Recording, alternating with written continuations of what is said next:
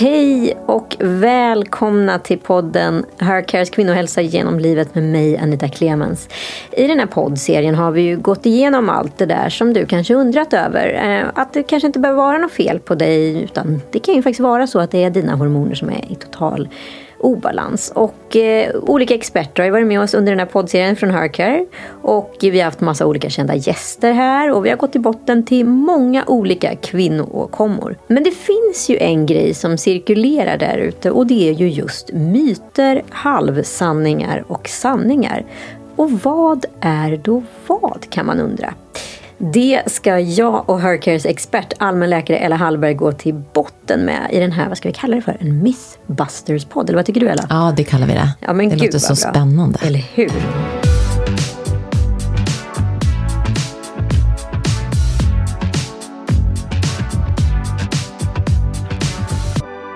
Men du, varför tror du att det cirkulerar så fasligt mycket info där ute? Det tror jag har flera olika anledningar. Nummer ett, vi är människor. Människor är vetgiriga. Vi vill ha svar på våra frågor. Sen är det klart också, kroppen är komplex. Det är svårt att förstå den, även för den som håller på med kroppen hela dagarna och fördjupar sig och fördjupar sig. Det är så mycket olika system som hör ihop och samverkar. Så vi vill gärna förenkla eh, för att förstå oss på kroppen. Och ibland kanske vi förenklar lite för mycket. Eller vi tänker att ja, det där vet vi nog för vi känner på oss det. Eh, Och ibland kan det vara sant och ibland är det inte sant. Och sen är det ju ganska lätt också att manipulera forskningsresultat. Så även om vi har forskat på en grej så kan vi plocka fram och lite grann, ja men det här har vi nog kommit fram till. Vi drar till med en sån och så blir det lite härliga media, ja men du vet eh, dramatik runt det och så. Man tweakar lite för att få en högre effekt, är det det du menar? Ja, det är det jag menar. Ja, men då tycker jag vi kastar oss ut och går igenom de här uppsjön av frågor som har kommit in. Det gör vi.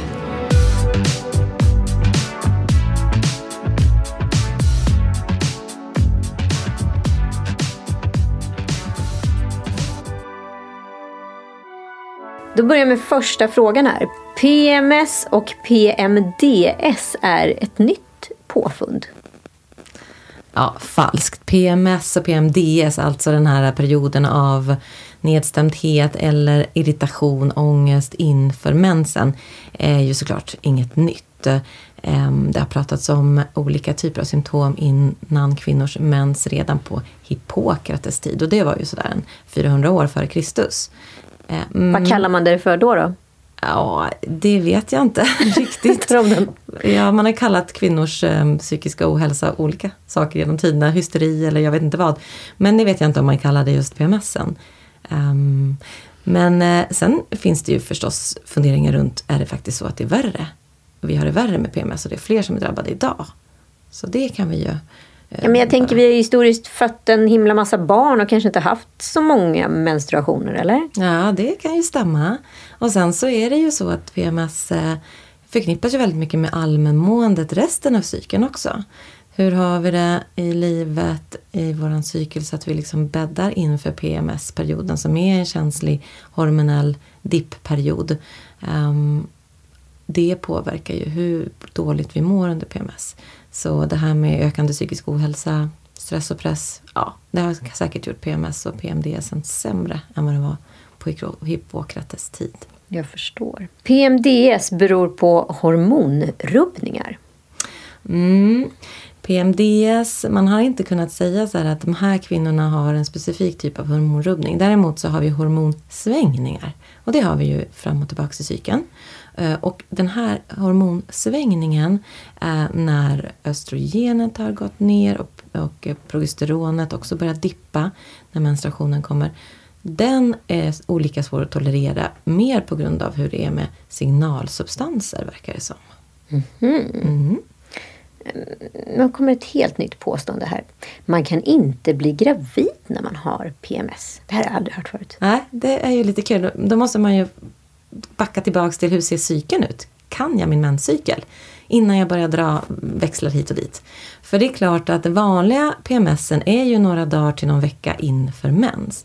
Och vanligtvis skulle jag vilja säga att hos de flesta som har en menscykel på 26-28 dagar så sker ju ägglossningen runt dag 14-16 sådär. Och det är ju just runt omkring ägglossningen några dagar innan och eftersom, eller några dagar innan och under ägglossningen som vi kan bli eh, gravida.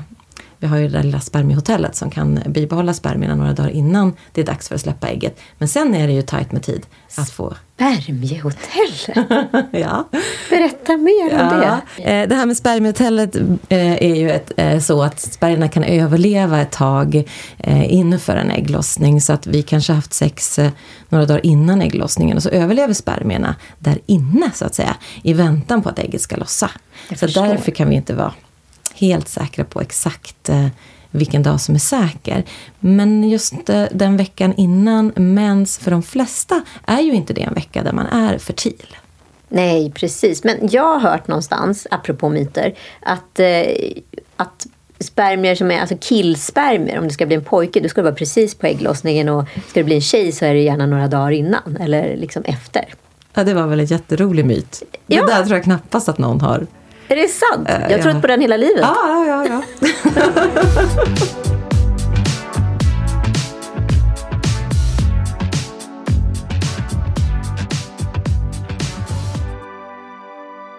Nu kommer en fråga här. Ja, man kan inte bli gravid när man ammar. Och det är ju tacksamt för alla de människor som blivit till under amning. Att de fick chansen, kan man ju säga. Även om det kanske för föräldrarna inte var riktigt planerat. Mm, amning kan i vissa fall hämma, eh, en, och i många fall ska jag väl säga, eh, att mensen kommer tillbaka. Men vi vet ju aldrig när första ägglossningen sker. Och det där är ju olika kvinnor olika känsliga för. Hur mycket måste man amma för att man ska få tillräckligt med bromsande hormoner för att inte cykeln plötsligt ska kicka igång. Så att amning är inget säkert preventivmedel. Gud så intressant. Det har jag också gått omkring och trott på hela tiden. Ehm, ingenting hjälper mot PMS. Ja, så kan det kännas. Eh, PMS, eh, som jag sa, det hör ju ihop med hur man mår generellt och hur man har, vad man har för ett livsupplägg, hur man har det med stress, kost, motion. Så att PMS är ju inte så här, åh, ta det här PMS-pillret. Eh, vi har menar ju, du? Ja, man kan väl säga att SSRI, alltså antidepressiv, har varit ett PMS-piller för många. Som har faktiskt hjälpt och där det mirakulöst nog går väldigt bra att, att hoppa in med, med eh, antidepressiven bara under de där en vecka eller två veckor. Och sen hoppa av och de flesta får inga biverkningar av det. En del får det och en del får abstinenskänslor av att hoppa in och ut på SSRI som det heter. Då. Ehm, Så ett, ett typ av PMS-piller för vissa. Men annars är ju PMS multifacetterat. Ja, det finns många pusselbitar man behöver jobba med för att inte må så dåligt som vissa gör vid de här hormonsvängningarna. Jag fattar. Men choklad då? Lindrar det PMS? Eh, ja, choklad är kul. Eh, det man har sett är ju, det som många forskare tycker då, det är ju så här, men choklad kan man ju inte bara säga, det är ju så många olika ämnen i det. Men det har i alla fall gjorts en hel del studier på det. En del visar att ja, det ger en uppiggande effekt, ja, det lindrar lite oro. Andra, mm, man ser ingen skillnad alls. Det vi vet om just socker är ju att socker kickar ju serotonin lite. Så att det är mycket det som sockersug handlar om, att vi får en liten sån positiv eh, boost. Mhm, Så om man egentligen då har ett så här kroniskt sockersug och alltid småsugen, då har man kanske lite för låga nivåer? Ja, man skulle ju kunna tänka sig det. Det är väl eh, fortfarande på eh, utvecklingsstadiet, hitta, hitta det där, eller på forskningsstadiet. Men absolut, det kan man ju eh, tänka sig. Det är många som självmedicinerar med socker mot, mot depression och ångest. Eh, sen är det ju tyvärr inte så långverkande. Utan upp med sockernivåer och sen kraschlanda. Så det är ju ingen, inget råd från mig att man ska ta till sockret. Choklad kan man väl också tänka att det har den här mysfaktorn. Det är säkert eh, laddat för väldigt många med belöning efter att man har gjort någonting. Mm, lukta gott, smaka gott och då kan det ju väcka eh, härliga endorfiner och hormoner i oss eh, av det skälet, mer som en placeboeffekt. Jag förstår.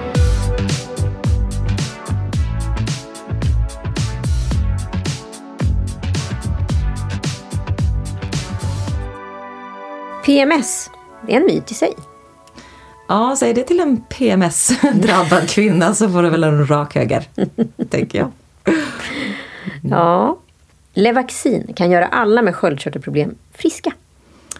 Eh, Levaxin gör ju inte att man blir av med sin underfunktion i sköldkörteln. Utan det ersätter ju det hormonet som man skulle ha fått. Så att man kan väl inte säga att man blir frisk, men man blir ju tillräckligt ersatt i många fall. Tyvärr inte i alla fall. Kan jag intyga. Ja, och vissa behöver annan typ av behandling. Precis. Och om ni inte har hört eh, programmet om sköldkörteln så ligger den lite längre bak i feeden om det råkar vara din grej. Det finns även ett PMS och PMDS-avsnitt.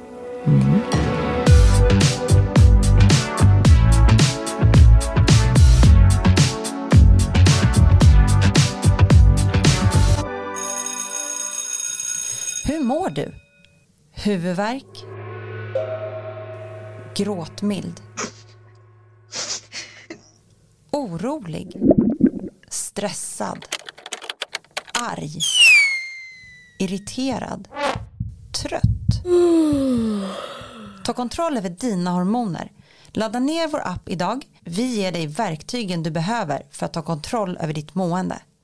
Logga dina symptom, få kunskap, insikter och råd baserat på dina symptom och din cykel direkt i vår app. Hörcare, vi hjälper kvinnor att må bra. Appen Hercare är gratis att ladda ner. Finns både för iOS på App Store och Android på Google Play.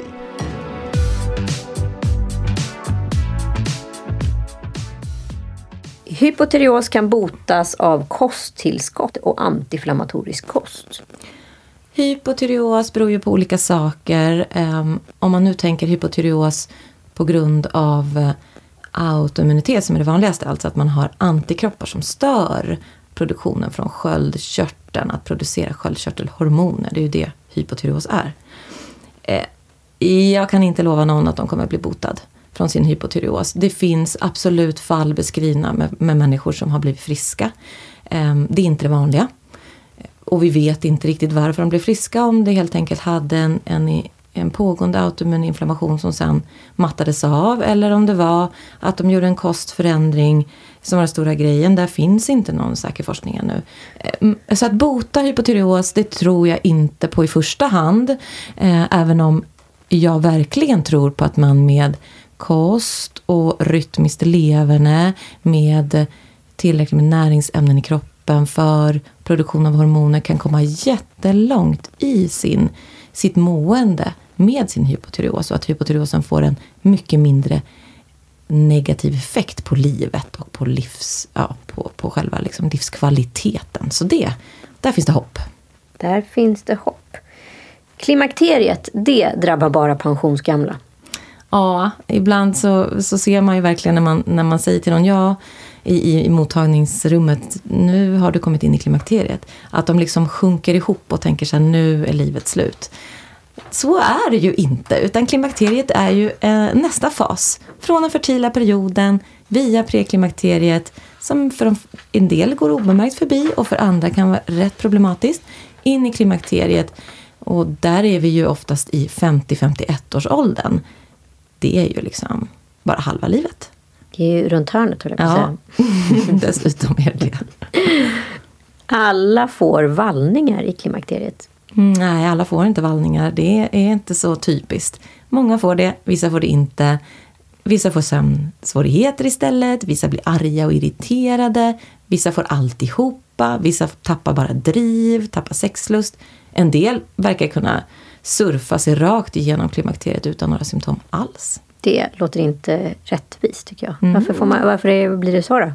Ja, det där med alla olika pusselbitarna återigen. Vad, hur är ditt mående innan? Hur är din stressnivå? Hur tar du hand om dig? Hur tränar du? Äter Hur sover du? Hur har du det med barn med speciella behov? Sådana där stressfaktorer som man inte kan påverka själv. Allt det där spelar in och säkert mm, genetiken också. Vi ser ju att det är, har man haft tidiga klimakterier innan, problematiska klimakterier, så ja, det är lite ökad risk för det. Kan man liksom trigga sig själv att komma in i klimakteriet fortare genom stress eller så?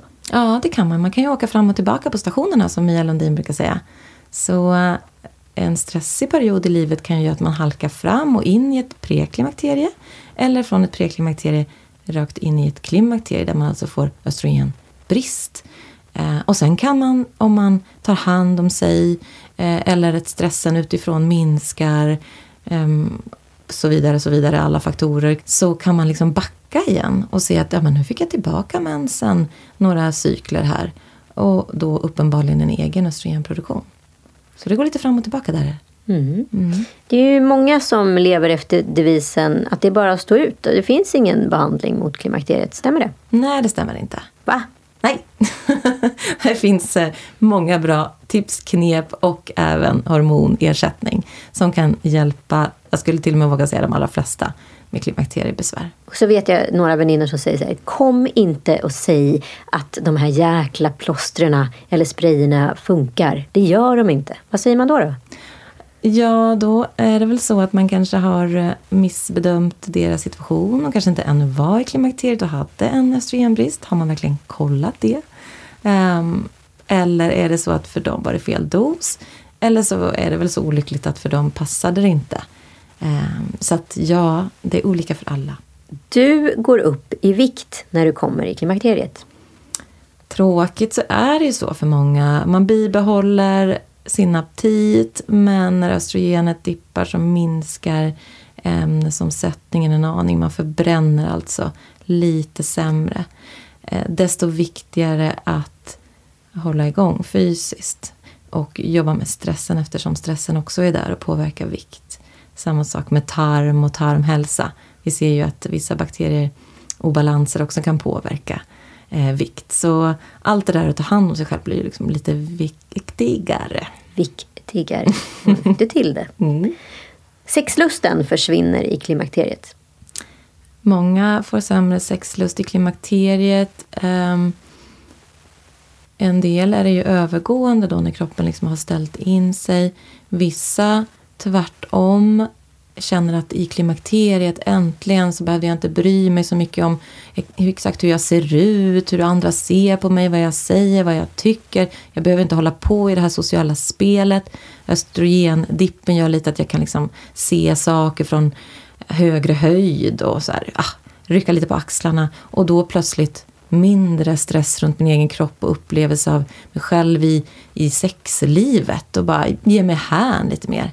Så att för vissa blir det liksom en, en, eh, ett uppsving också. Så finns produkter. Jag fattar.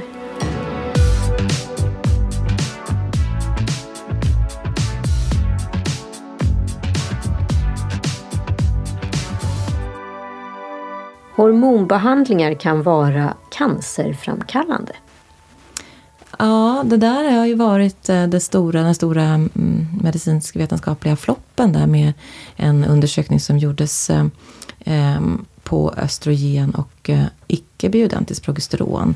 Där man dels doserna man använde var annorlunda, preparat man använde var inte så ehm, välriktade väl riktade och därför ledde det till en lång period av oro för cancer, oro för hög risk för bröstcancer eller, eller ehm, um, livmoderhalscancer som gjorde att kvinnor under lång tid inte fick några hormoner i Sverige. Nu har man ju tittat på det igen och upptäckt alla de här felen som fanns i studien och uh, anser ju att riskerna för cancer med eh, hormonpreparat är väldigt små, som vi använder dem idag. Då. Eh, och att vi eh, faktiskt istället vinner väldigt mycket på att ersätta kvinnor efter klimakteriet då på grund av att vi stöttar bennybildning, att, vi, att det minskar risken för hjärt-kärlsjukdom. Så man har svängt om i de där riskbedömningarna. Ja, och det var väl en rätt ny studie eller liksom information från Läkemedelsverket som kom bara i år va? Ja, och man kan ju titta in på SFOGs hemsida också som är Svenska föreningen för obstetrik och gynekologi. Där de senaste rekommendationerna finns. Precis. Mm. Stress och livsstilsfaktorer kan påverka det hormonella systemet. Ja. Ska vi gå in på det närmare eller? Ja, tack. ja. Äh, äggstocken vill ha rytm, den vill ha lugn och ro. Den vill ha vissa typer av näringsämnen för att fungera bra. Det betyder ju att den vill ha regelbunden matintag med rätt typ av sammansatta näringsämnen. Mm hantera stress gör vi ju bra med träning så länge vi inte har gått över gränsen och behöver minska på vår pulsökande träning, till exempel vid utmattning. Så alla de här systemen är ju som en liten eh, ja, vad ska man säga, alla är beroende av varandra i en härlig fin liten kompott. Så ja, livsstilsfaktorerna är jätteviktiga att se över om man har hormonobalanser. Vad vi äter kan påverka den hormonella balansen? Mm. Eh, det tittar man ju på allt mer. Bakterierna i tarmen. Hur påverkar de ehm, stresstolerans? Hur påverkar de eh, ämnesomsättning? Eh, och i förlängningen då hormoner. Så vi vet ju numera att vi behöver ha både rätt substrat för hormon, att bakterierna ska vara i bra balans och att de också påverkas av sådana saker som alkoholintag, um, hur vi fyller på med bakterier i tarm, hur vi stressar och sådär. Så um, mm, det verkar ju faktiskt som att det vi stoppar i oss kommer i förlängningen påverka våra hormoner. Men det finns ju, det är ju svårt att studera det här. Så att det är ännu inte sådär lätt att peka på den här studien den här studien. Här kan ni läsa om exakt hur näringen påverkar våra hormoner. Men att det gör det kan man nog svara ja på med ganska stor säkerhet just nu. Men varför har du inte forskat så mycket på tarm tidigare då? Eller har du gjort det, men man, vad har man kommit fram till då? Ja, men det är just det svårt att det är så många faktorer som spelar in då. Eh, det går inte som ja, men de enkla studierna är så här, åh, här har vi ett piller med den här substansen som vi vill se om den gör dig piggare och gladare och smalare. Och så har vi det här placebopillret så låtsas vi att det är samma och så vet inte den som ger patienten vilket som är vilket och så kan vi sen titta efter, i efterhand, okej okay, den här personen fick det här riktiga innovationspillret då med medicinen i och den här fick placebo. Vem blev piggast och smalast och, och gladast eller vad det var. Eh, då är det ju lätt, lätt att se ja men den med placebo det hände ingenting eller det hände sig och så mycket. Och den som fick pillret, ja men det var lite bättre än placebo. Ja okej, okay, det har effekt. När det gäller kost är det ju mycket mer komplext. Att kontrollera eh, precis vad en människa stoppar i sig. Eh, och hur den människan lever under tiden. Och om den gör andra insatser för sin hälsa parallellt som måste liksom på något sätt dras bort från hur kosten Ja, det är en större apparat, det är svårare. Men jag gjorde något sånt här hälsotest online. Eh, och då fick jag spotta in en liten kopp och så skickades det eh, någonstans. Och sen så fick jag reda på att jag var allergisk mot massa saker som jag inte hade en aning om. Och sen gjorde jag ett test hos er som var liksom, vad ska jag säga, ett avföringstest. Och det var ju, kändes ju, åtminstone i alla fall min upplevelse, att det var mycket djupare. Då visade det sig att jag inte alls var allergisk mot de där grejerna som hade kommit fram i första testet. Hur ska man lita på vad som är vad då? Ja, det är svårt. Det finns många tester där ute numera och de har mer eller mindre vetenskaplig grund. Mm, så det är svårt för mig att kommentera vad det kan ha varit för test. Men eh, vi får ju svar på det vi frågar om. Och vi frågar ju bara om det som vi än så länge vet. Så vi får vara ödmjuka för att det är väldigt mycket där ute som vi ännu inte vet och kanske då inte heller frågar om i de här testerna. Eller frågar på olika sätt och därför får olika svar. Så att vi kan ju aldrig bara gå på test. Utan vi måste ju fördjupa oss i sjukhistorien och symptomen och livs upplägget för att kunna liksom dra några slutsatser. Så man ska inte bara lita på någonting som det står labb på, Nej. online? Nej, det kan man inte göra riktigt. Trist. Mm.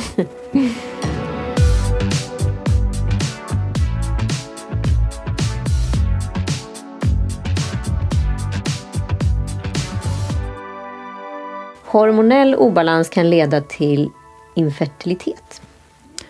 Eh, ja, eh, det kan det ju hormonell obalans som till exempel eh, gör att vi inte ägglossar. Um, nu, de flesta med PCOS som ägglossar lite hur som helst för att de inte har den här regelbundna cykeln varje månad. De flesta får, blir ju gravida och det är inga problem. Men vissa har ju svårt just för att eh, pricka ägglossningen när den är så oregelbunden. Eh, eller att ens kanske ibland få till en ägglossning. Så det är bara ett exempel på hormonell obalans som kan påverka fertiliteten. Men visst är det någonting som man undersöker eh, när man håller på med infertilitetsutredningar. Att tillföra progesteron kan underlätta vid PMS? Ja, det kan det ju göra om det är det det kommer an på. Alltså om det här är en del i ett förklimakterie där vi eh, ju ofta ser att eh, vi har symptom på östrogendominans. De här östrogen och progesteron, kvinnohormonerna ska ju vara i så finstämd balans över cykeln. Och har vi då en situation där vi har eh, lite för mycket östrogen i förhållande till progesteron, det är ju det man har börjat se i studier då, och tillför progesteron så kan vi få en lindring utav eh, preklimakteriell PMS. Sen är det ju så att många unga kvinnor kommer till oss med PMS-besvär men de har väldigt god funktion i sina äggstockar och bra med progesteron och så. Och då kommer de ju tyvärr inte bli hjälpta av tillskott av progesteron. Nej, just det. Mm. Eh, mag och tarmsystemen spelar stor roll vid Hashimotos och hypoterios. Ja, det är spännande det där med tarmen och hur tarmcellerna ligger emot varandra och håller ställningarna så att de inte släpper igenom eh, för stora näringsämnen innan de har blivit färdignedbrutna i tarmen. Det man har sett med Hashimoto som är så spännande eh, det är ju att det verkar som att glutenmolekylen har någonting kopplat med att, att vara med och kunna utlösa en Hashimoto, även om det oftast är hos människor som har Hashimoto lite latent förmodligen på grund av tidigare familjemedlemmar som har haft det och som har skickat med sitt DNA till nästa generation. Men där har man alltså kunnat se i vissa studier att en ökad genomsläpplighet i tarmen, när tarmcellerna inte är så där himla tajta mot varandra, kan få ett genomsläpp utav till exempel glutenmolekylen som då irriterar och triggar eh, igång en Hashimoto. Ja, och en Hashimoto mm. är? En underfunktion i sköldkörteln, autoimmuna typen. Så det där är lite spännande. Så, men vi kommer säkert lära oss mer om det. Och så kanske jag sitter här om ett år igen och säger så här, ah, nej men det var inte riktigt så. Utan det var så här och så här. Så är det ju hela tiden. Men det där är ju ändå någonting som gör att man ännu mer tänker så här, okej, okay, hur gör vi med den här tarmen? Hur tar vi hand om den här tarmen? Så att den kan vara tät och fin. För det är ju mycket bakterierna, balansen mellan bakterierna som påverkar just täthet i tarm. Hormonbehandling är bara ett sätt att skjuta upp klimakteriet och besvären. Eh, nej, utan, utan hormonersättning eh, ska ju ersätta någonting.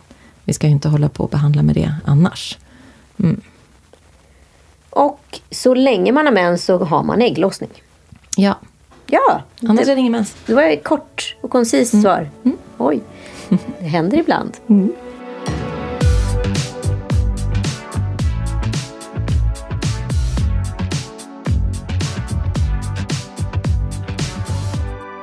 Att glömma en tampong i slidan för länge kan vara farligt. Ja, stora headlines då på, var det 90-talet eller? Gud, Tampongsjukan, det minns va? Ja, just det, det kan bli bakterier som växer till där, och myser och frodas. Så det ska man inte göra. Nej. Nej. Vad gör man då man har glömt en tampong? Går man till doktorn eller vad gör man? Alltså man tar ut den. Har man fått feber och konstiga flytningar och så, så ska man ju självklart söka vård. Ja. ja fysisk aktivitet, kan det underlätta klimakteriebesvär? Ja, jättetydligt i studier. Kul! Kan minska på just det här med vallningar och hjärtklappning och så. Mm, väldigt väl beskrivet. Ja, då behöver vi inte liksom utveckla den mer. Nej, utan bara ut med er. Ja, Ella, det var allt den här säsongen. Mm. Ja, jag tycker vi har gjort en rolig och innehållsrik säsong. Och för er som bara känner så här, men gud, det där är mitt ämne, det vill jag veta mer av. Kolla lite längre bak i listan på den här podden. Där kan ni hitta all, svar egentligen på alla frågor som vi har gått igenom och bara berört lite lätt här idag. Mm. Eh, och ja, jag får tacka dig och önska dig en fortsatt fin höst. Mm, tack så mycket Anita. Tack för den här poddsäsongen. Ja, jättekul har det varit. Och ni som känner att men gud, jag måste komma i kontakt med Hercare. Det här är ju människor som har koll på läget. Då kontaktar ni dem på hercare.se. De har också den här otroliga appen som är sjukt bra där man kan symptomtracka. Och vill man bara, liksom, bara fråga lite, lite lätt eller så, då kan man alltid följa dem på Hercares Instagram som finns på athercare. Och då kan man också skicka DM direkt till dem. Det är väl superbra. Det är bra. Och så finns det ju rådgivningssamtal på en kvart som kan vara jättebra om man inte vet riktigt vart man ska och hur man ska ta sig an saker och ting. Nej, det är ju mm. som sagt ett, eh, en uppsjö utav information och mycket påminner om varandra. Yep. Så gå till botten med det. Mm. Tack för att ni har lyssnat. Vi hörs och ses.